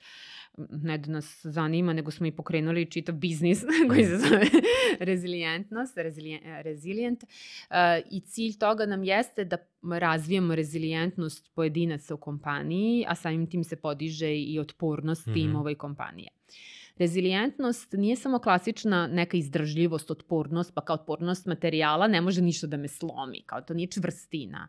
Rezilijentnost ne podrazumeva ništa nas ne dotiče, pa sad kao evo ja sam jaka i Mhm. nemam, uh, ne, ne padne mi nikad motivacija, nisam tužna ili nešto. Rezilijentnost podrazumeva da kada dođu neke izazovne situacije, problemi, ne moramo ih zvati Mhm. izazovnih, nego su i problemi, to nas na neki način um, savije, ali nas ne slomi. I moment tog vraćanja iz, to, iz tog drugačijeg položaja dotak, dotakne nas, savijemo se, ali vraćanje, ta Mhm. elastičnost da se vratimo, brzina vraćanja u normalu, to da Mhm, funkcionišemo, ne moramo da budemo full u svom maksimumu, ali da možemo da se vratimo i stvari rezilijentnost. Mm -hmm. Tako da ideja da smo mi rezilijentni ako nas ništa ne dotiče, nije to, nego da, dotiče nas, ali imamo mehanizme kako da se iz toga da smo možda pali, vratimo i nije nas slomilo. Nismo ostali slomljeni, nego smo se vratili. E, to je rezilijentnost. Mm -hmm. Ja sam to gledao iz ugla, onog, uh, iz ugla one priče sa eksperimentisanjem, čuvena priča sa Rokijem, ovaj, uh, da nije važno koliko si jak, nego koliko, koliko puta možeš, koliko možeš da primiš udarac i da ustaneš je, i da pa nastaviš to je, dalje. To je, da. Koliko možeš s eksperimentima, onaj čuveni VD40 se zove VD40 zato što uspeviš 40. puta.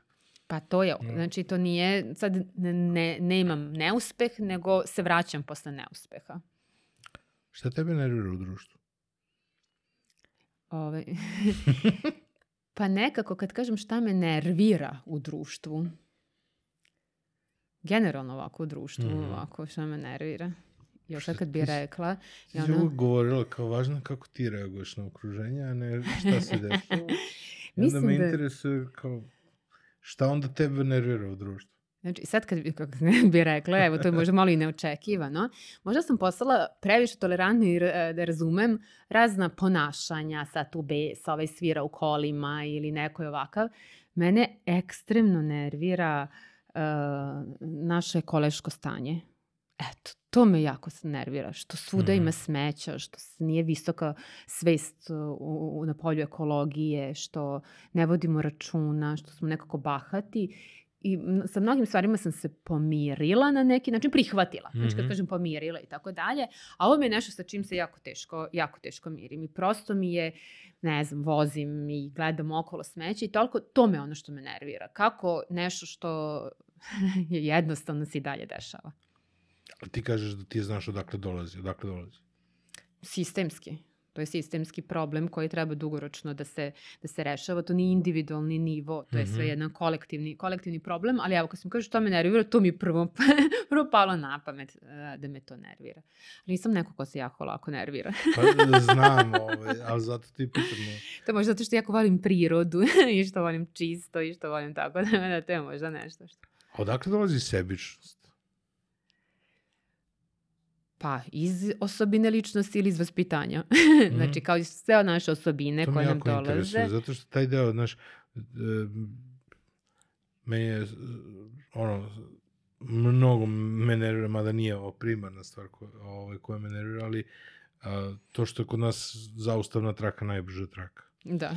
To što od, ako su dve zauzete, postoji onaj tamo neko ko, čije vreme je važnije od našeg vremena i ko će da izabere tu zaustavnu traku koja ima potpuno Da. drugu funkciju da nas zaobiđe. Ali ta osoba koja je stala tamo ili to, ona ne doživljava sebe kao sebičnu, da kaže, nego ima opravdanje zašto to radi. Znači, taj Mhm. cilj koji je sebi, aha, meni se jako žuri, kasnim na sastanak i meni je to važnije. Moj sastanak je važniji od sastanka druge osobe i onda je objasnio ta osoba je sebi objasnila ili kaže, evo ja to sad samo radim, inače ne radim. Ili mi je to postala navika i video sam, videla sam da to tako prolazi i to je deo onda mog ponašanja. Ja sad ne radim ništa što, što krši, mm -hmm. da Mhm. kršim neki zakon ili lepo ponašanje ili nešto, nego je to deo sada moje rutine. Da, to prolaženje preko reda, stalno guranje, stalno... To je davanje prava sebi, da to, da to meni pripada. Da. I ta osoba je u to u svojoj glavi uh, tako skockala da je to algoritam koji je tačan. Mhm. Znači, e, jako ljudi opravdaju sva svoja ponašanja. Jer da ne opravda, onda bi bio u neskladu, jel tako? Nego kaže, da, ja sam to uradila, ali to je okej, imamo opravdanje zašto sam to radila, meni je to u redu. Mhm. I onda sam u miru sa sobom, jer oni koji nisu, neće to raditi. Kako vi pomažete kada se recimo desi takav neki problem, neki sukob koji je baziran na nekim, na nekim problema koji se mogu otkloniti, a kada se desi unutar tima? Mhm. Radite i to sa firmama?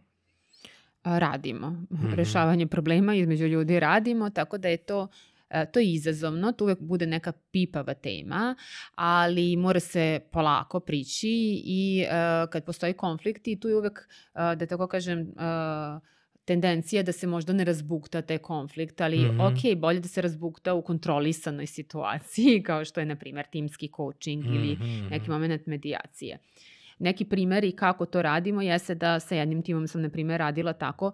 Bila su dva, dva pod tima koji uh, nisu dobro sarađivali Mm -hmm. i uh, ono što smo primenili jeste zamena uloga. Da tim A je u suštini potpuno ušao, identifikovao se ulogu tima B, gde je onda kao tim B razumeo šta, ha, nama treba to, mi hoćemo ovo, mi hoćemo, mi se na taj način ponašamo tako i, i na taj način kada mi uh, uđemo u cipele druge Mhm. osobe, jel tako, onda možemo da bolje razumemo i odgovorimo možda na drugačiji način u, u istoj situaciji. Mhm. Tako da te zamene uloga uh, su jako korisne. Bilo da dva tima tako treba da se, jel tako, na neki način poprave svoju saradnju ili dve osobe, jel tako, da uđu Mhm. u ulogu, aha, ja sam sada u tvojoj ulozi, ti si u mojoj ulozi i ja sad iz tvoje uloge, aha, razmišljam, ha, šta, je, šta je Ivana muči? Mhm. šta on osjeća sada, šta on želi i krenem i da govorim iz tvoje uloge, iz tvoje Mhm. pozicije, ponašam se, krenem da zastupam, iako je korisno ne, ne ostaviti to samo na nivou analize, nego spustiti na nivo neke vrste role playa i stvarne komunikacije i onda da zadamo ulogu da ja sada komuniciram kao Ivan i govorim Mhm. ja Ivan imam taj i taj problem, meni smeta kada ti mi ne dostaviš to i to na vreme, hajde da vidimo kako to da rešimo, jer onda zaista smo ušli u tu ulogu. Aha, aha, aha.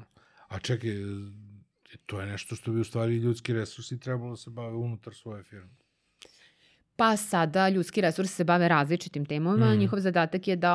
uh, Njihov org- rang ono, poslova se toliko proširio.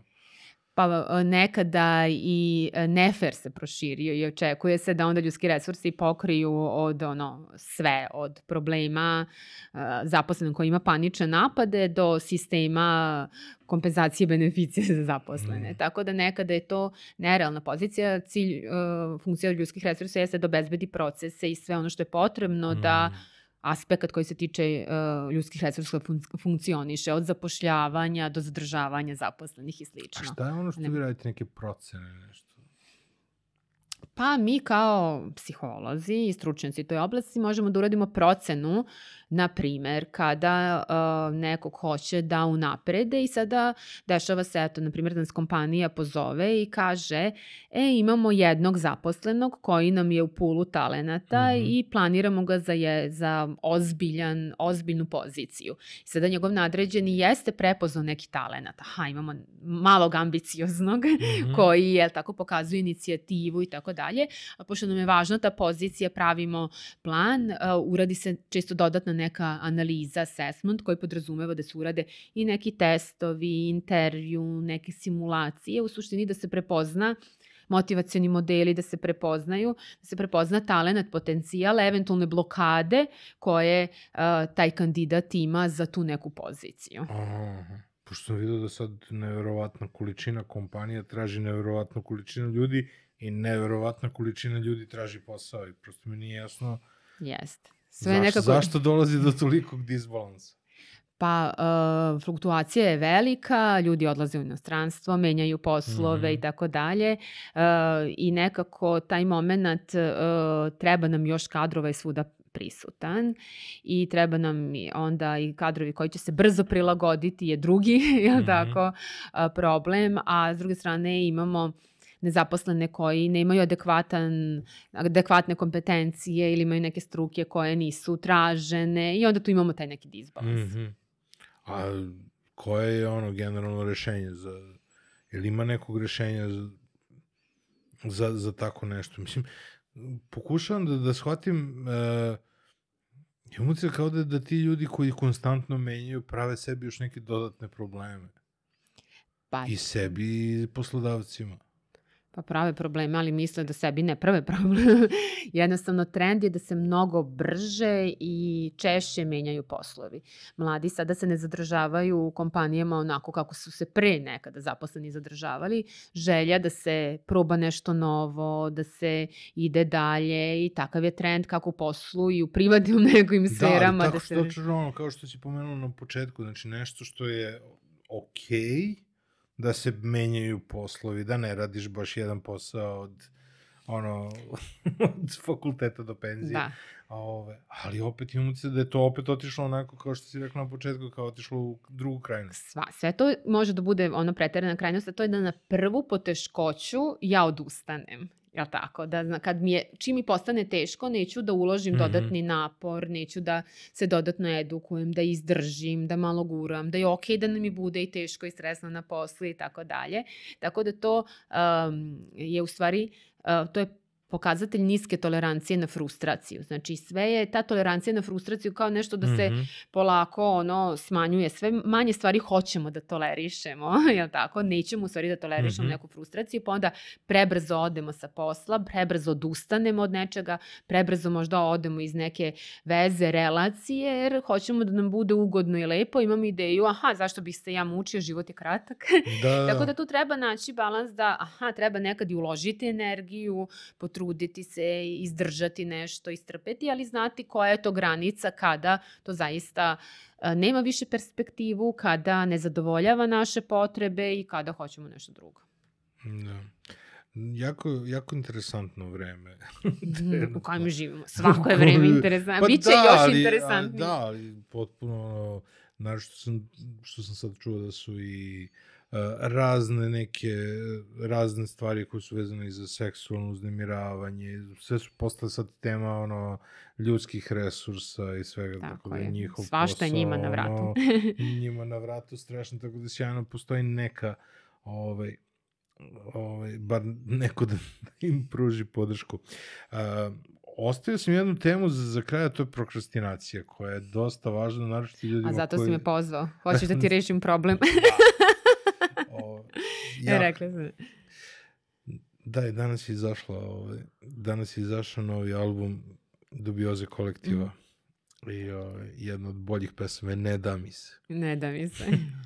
Ovaj, pa hoću pričamo o, o prokrastinaciji, zašto odlažemo stvari, koje su generalno, to, to je de, definisano pre nekoliko godina kao jedan od najvećih problema današnjice. Da. Prvo da utješim sve ljude koji odlažu, koji imaju ideju da su u manjini, Mhm. da nisu u manjini. Znači, naša tendencija jeste da odložimo neprijatne i teške stvari, a da se prepustimo prijatnim stvarima i da uzmemo nešto što je, što je, što je tu nekako na nadohvat ruke. Tako da je to naša tendencija Mhm. svih nas. Sad, ali mi iz svojeg ugla kad gledamo, onda mislimo, jao, kako, kako je ona organizovan, kako ona sve postiže, kako ona, kako druge ljude Mhm. ne mrzi. Evo, ja nikako da uzmem pa da se pozabavim vežbanjem, a vidi koliko ljudi ide u teretanu i koliko ljudi, jel tako je to, to uspelo. Tako da svi mi imamo tendenciju da odlažemo, svako odlaže neke druge stvari, to je Mhm. nekako naša, naša, naša nas je i priroda tako, nismo mi, do skoro smo mi živeli ono danas do sutra. Da, da. Tako da moment prokrastinacije nije bilo kao, nego smo, ha, sad, ajde da, da jedem dok imam šta da jedem, ko zna da li ću sutra nešto uloviti. Da, da, I da. ko zna šta će biti. Tako da mi, mi smo dosta dugo, skoro u našoj evoluciji se pojavio taj moment da uradim nešto sada što mi je naporno zarad neke dugoročne perspektive koja je 2, 5, 10 godina. I to je sada jedan ozbiljan iskorak u našem, jer tako, nekom duhovnom razvoju Mhm. koji zahteva ulaganje napora da ne odlažemo. Tako da, uh, utešno za sve, one, sve nas koji neka nešto odlažemo, da je to nekako normalno i prirodno, ali da ne moramo tome da se prepustimo, nego da možemo da radimo na tome, da to prevaziđemo. Koliko perfekcionizam utiče na, Da, perfekcionizam je jedan, jedan sjajna racionalizacija. da kažemo, ako nije perfektno, onda neću ni da radim. Da. Ili ovaj, znam da neću eh, sada, sa, znam da nisam sada u dobrom modu i ako sada budem radio, to će biti osrednje, a neću da bude osrednje. Tako da je A perfekci- dešava se u svemu, dešava se u planiranju i života i karijere i svega. Da ako nisu ispunjeni svi činioci, Tako neću je. ni da počinjem. Tako je, perfekcionizam je neprijatelj dobrog. Mhm. e, i mnogih drugih stvari, ali neprijatelj je telj dobrog, a dobrog treba da bude dosta u našem životu. Ako Mhm. gledamo ono kao normalnu distribuciju dobro, e sad jako dobro je ponekad. Mhm. Tako da mi često podignemo taj nivo a, standard da bude perfektno. Aha, aha.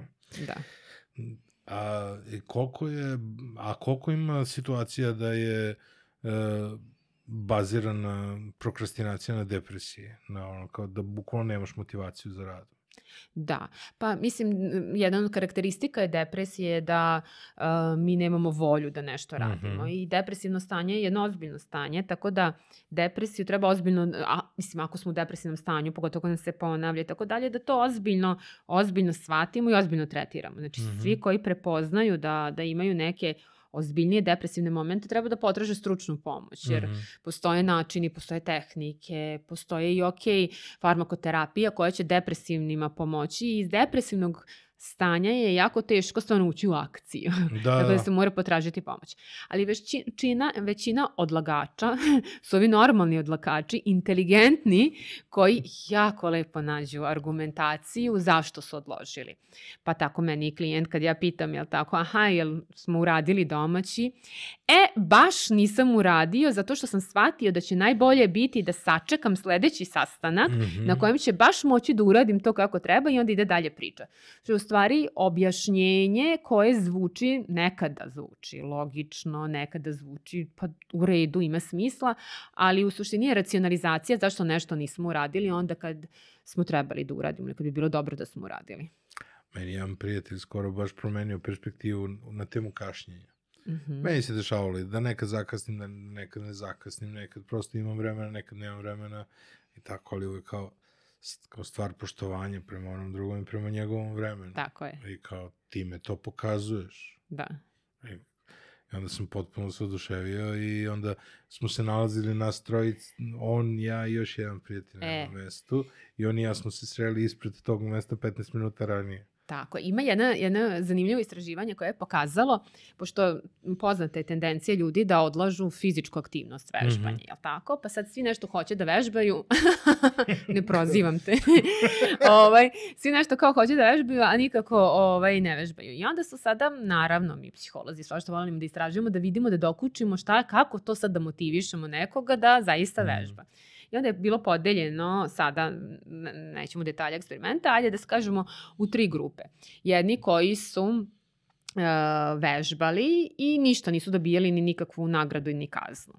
Drugi koji su, ako vežbaju, uh, dobili bi 5 dolara, je tako, za ne znam, sat vremena vežbanja. Ako ne vežbaju, ne bi ništa dobili. I treća grupa koji Ako vežbaju, njihov prijatelj dobija 5 dolara.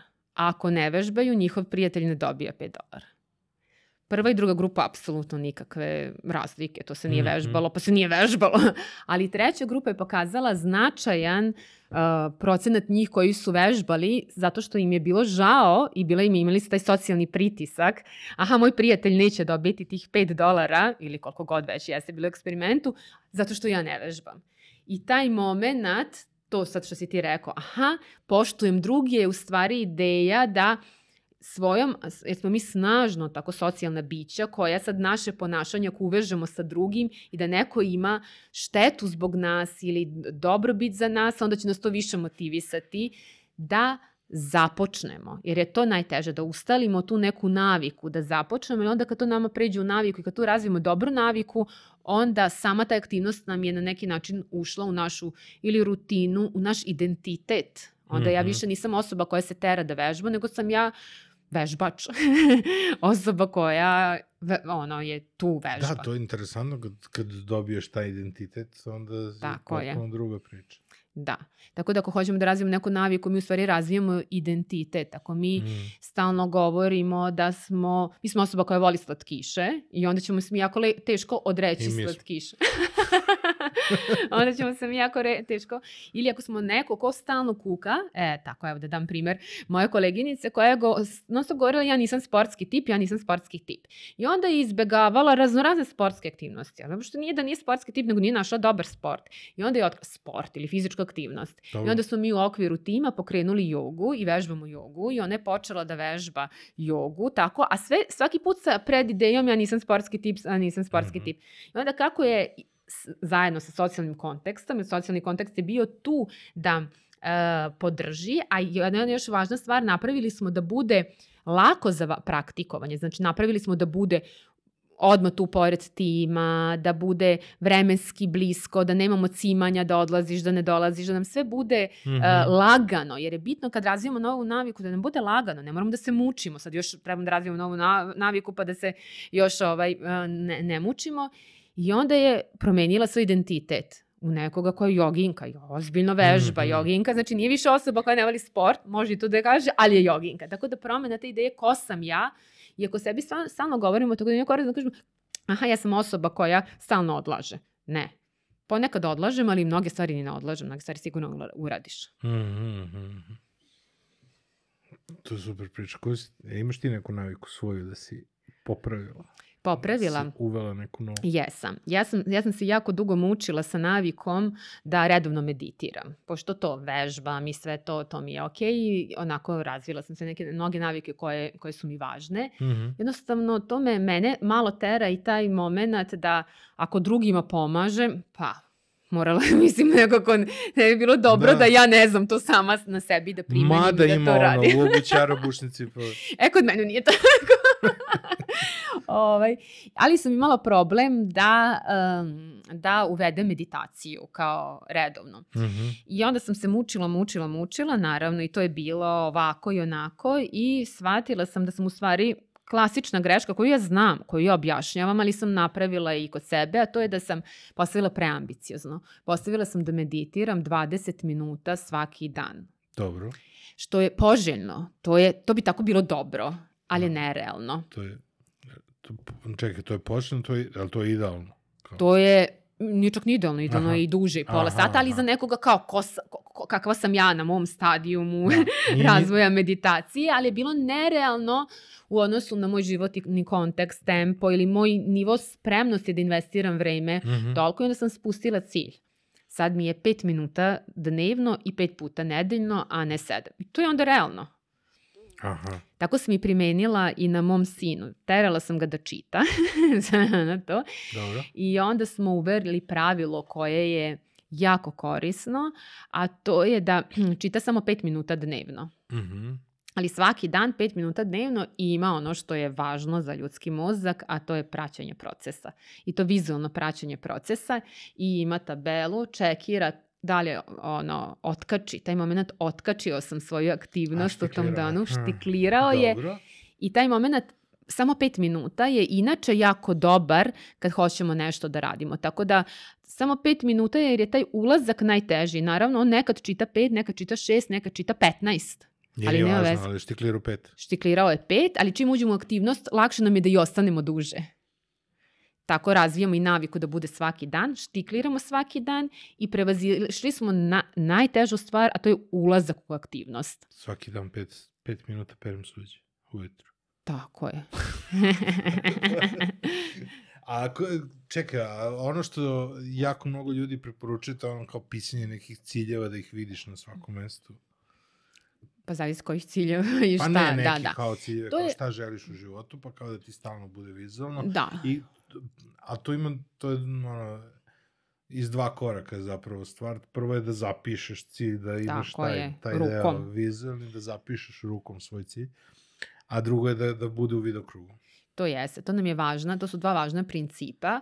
Ono što bih ja tu savjetovala, da, da zapisujemo ili da nam bude nešto vidljivo, mm -hmm. ili mhm. ne moramo da imamo ciljeve tako ispisane, možemo da imamo podsjetnik zapisan na naš, za naše ciljeve. Mm -hmm. Naprimer, mi smo imali porodično zapisano podsjetnik play more u Aha. smislu našeg nekog cilja kako hoćemo da provodimo slobodno vreme i tako dalje, mm. ali to je vizualni ti moment, mi smo ozbiljno ono, usmereni na taj vizualni nadražaj, tako da, da kad to vidimo nas podsjeti na neke stvari, tako da to treba da, da koristimo. Ono što je kod ciljeva možda bude problem jeste da ciljevi nas su nam dobri i oni nas, sad je to velika tema, ogromna tema ciljeva, ali ciljevi su dobri da nas usmeravaju, ali tu moramo da imamo svo vreme i tu agilnost i fleksibilnost da i promenimo cilj, da ga na neki način modifikujemo, da ga revidiramo, mm -hmm. da odustanemo, ako je, ali je svesna odluka, nije odlaganje. Jedno je svesna odluka da odustajemo od toga, a jedno je odlaganje odlaganje svesno odluka.